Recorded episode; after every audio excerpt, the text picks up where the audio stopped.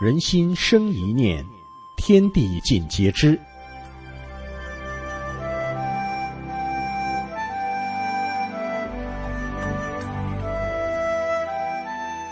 听众朋友您好，欢迎您收听明慧广播电台《善恶一念间》节目。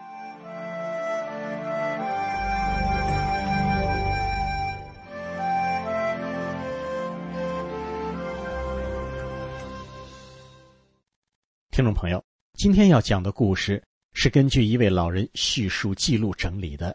他从小接受的是无神论的教育，但太多的事实使他不得不相信神的存在。我们下面一起来听一听。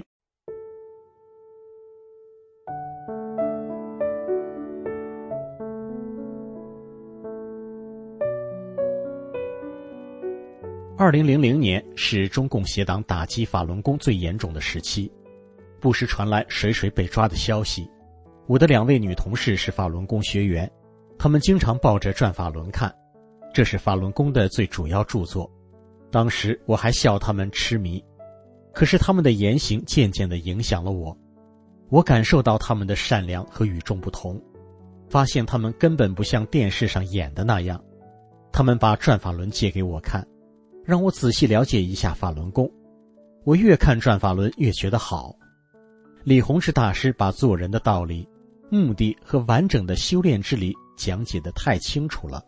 我知道，原来法轮功也叫法轮大法，是真正的佛法修炼。明白了我为何能逃过大难，是大法师父早就看管了我，让我不失去人身，到时好接上大法的圣缘。我懂得了善恶有报的真正原因。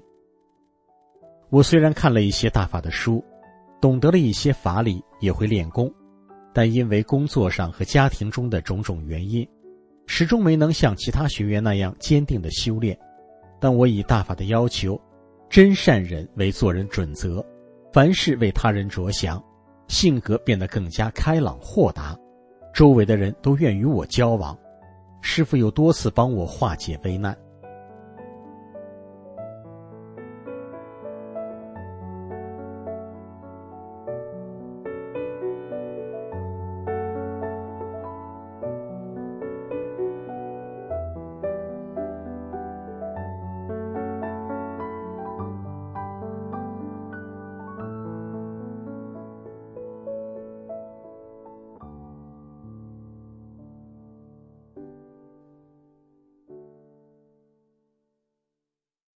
二零零六年夏天，我开车由南向北行驶，前面一辆大八轮车，我想从八轮车右侧超车，刚到并行时，突然从右侧的胡同里跑出一辆驴车，把我挤在八轮车和驴车中间，情急之下，我不知怎么办才好，吓得闭上眼睛等着。这时耳畔中响起一个声音：“没事，你走就行了。”迷糊中，我不知道怎么过来的。我惊醒过来，发现驴车不见了，我的车平稳的前行。我明白了，是大法师父帮我化解了这一难。二零零九年冬季，这天很冷，天阴蒙蒙的，下的不是雪，而是小冰珠似的落在地上，路很滑。我和经理由驻地去公司，路上车大滑，转了两个三百六十度。恰好附近没有车辆和行人，然后又继续前行。经理稳下神来后，和我开玩笑：“车技真行啊！”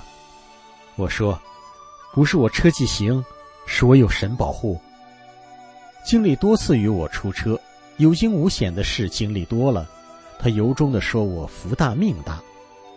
公司多次要给经理配专车，他都不用，说坐我的车踏实放心。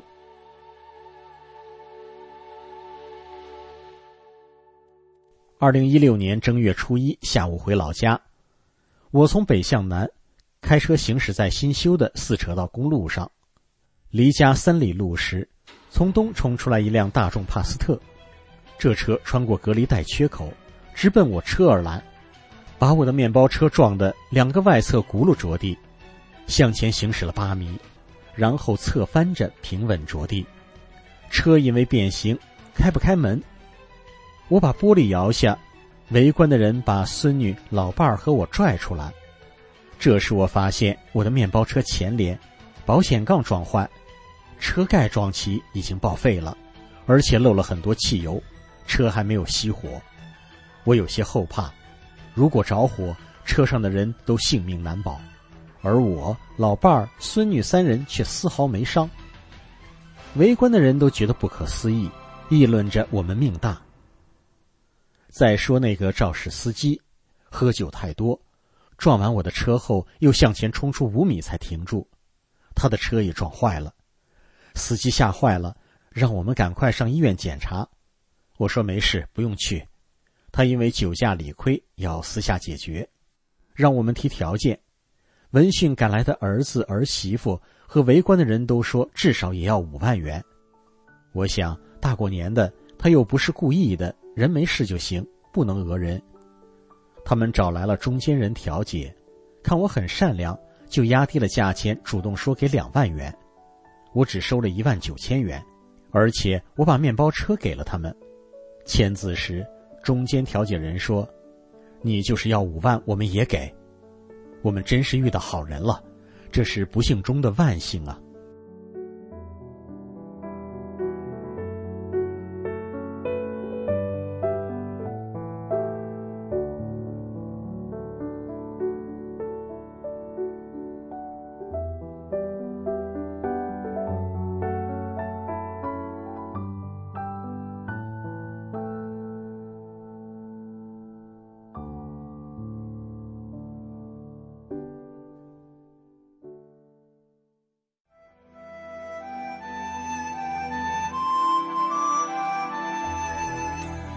听众朋友，今天的善恶一念间就为您讲到这里了，感谢您的收听。